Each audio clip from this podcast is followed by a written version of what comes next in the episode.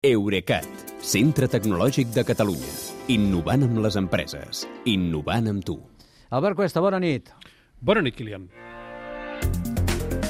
Aviam, reblem una mica més el clau i mirem-nos una mica més això. Ja portem uns quants minuts parlant-ne, però ara ens hauríem d'interessar, per exemple, en aquest Centro Criptológico Nacional. Què és això? Uh, doncs és l'organisme responsable de protegir la infraestructura tecnològica de l'Estat contra ciberatacs eh, gestiona, per exemple, un dels CERT, que són, els, són les sigles, que són els equips de resposta ràpida que vigilen l'aparició de forats de seguretat eh, en un estat i ajuden els afectats a tapar-los, tal com ho fa, per exemple, l'Agència de Ciberseguretat de Catalunya. Una altra de les funcions d'aquest centre criptològico és especificar, triar i supervisar quines eines fan servir els ministres i altres funcionaris de l'Estat, i parlem de 12.000 persones, eh, fan o haurien de fer servir per parlar i enviar-se missatges. I no, aquestes eines no són eh, com, el, el, no sé, WhatsApp o Signal, uh mhm. -huh. sinó concretament una aplicació xifrada que es diu Comsec, i que és de l'empresa Indra i és l'única aplicació que figura homologada en el catàleg que el Centro Criptológico va actualitzar precisament el mes passat. Aplicació que, per cert, com, i com s'ha vist, no és immuna a les infeccions en Pegasus. Uh -huh. uh, aviam, el Centro Criptológico vindria a ser com l'organisme mirall del CNI, perquè mentre el CNI té la missió d'espiar els dolents per encàrrec de l'Estat, a l'altre li toca evitar que els dolents espiïn a l'Estat.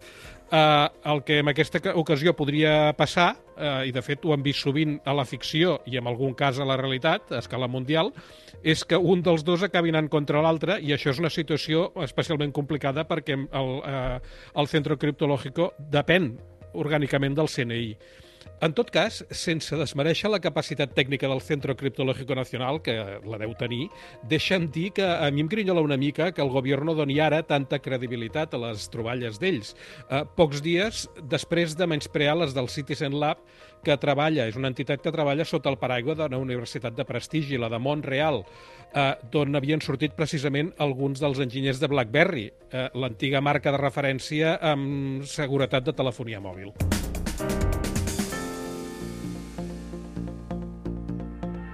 I aquí és bastant clau han aparegut aquestes dues paraules, eh, el ministre Bolaños les ha utilitzades, dient que l'atac ha estat il·lícit i extern. Fins i tot la segona més important que la primera, extern.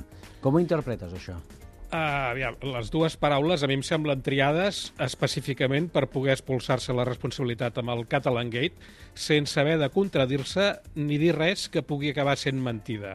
I sobre això, jo, si et sembla, em limito a repetir el que ja he dit per aquí alguna vegada, que uh, estem donant, o s'està donant per cert que NSO només ven Pegasus a estats, però és que els estats són molt complexos i sovint una mà no sap què fa l'altra.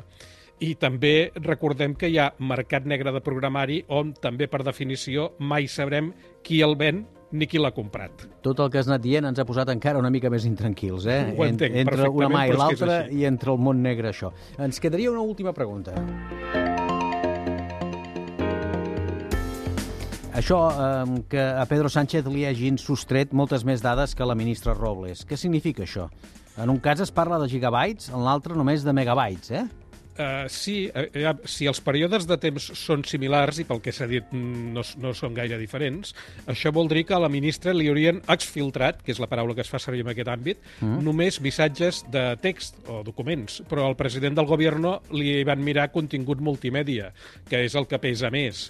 Poden ser fotografies, àudios i vídeos que estiguessin guardats al telèfon de Sánchez, però també eh, els podrien haver capturat en directe, perquè, com sabem, una de les prestacions de Pegasus és activar el micròfon i la càmera del telèfon sense que el propietari, que el propietari no? Sí. Sense que el propietari ho sàpiga, exacte. Clar, clar. Eh, eh, tant amb una modalitat com amb l'altra, la de guardat o la de directe, eh, els espies poden haver obtingut informació personal compromesa i fer-la servir eh, per pressionar les víctimes, siguin Sánchez, Robles o les més de 60 que han sortit fins ara al Catalan Gate. O les que puguin sortir encara. Uh, que poden ser moltes, ara que a Barcelona, a Brussel·les i des d'avui a Madrid hi ha cua per fer-se revisar el mòbil. Sí, sí, això és una, una expansiva que no sabem on pot arribar a parar. Uh, escolta'm, gràcies, demà, demà més. Espero que no tant Pegasus i alguna altra cosa diferent, però el que sigui, el que toqui. Gràcies, Albert. Estarem pendents. Bona nit, Kilian. Fins demà. Eurecat, centre tecnològic de Catalunya. Innovant amb les empreses. Innovant amb tu.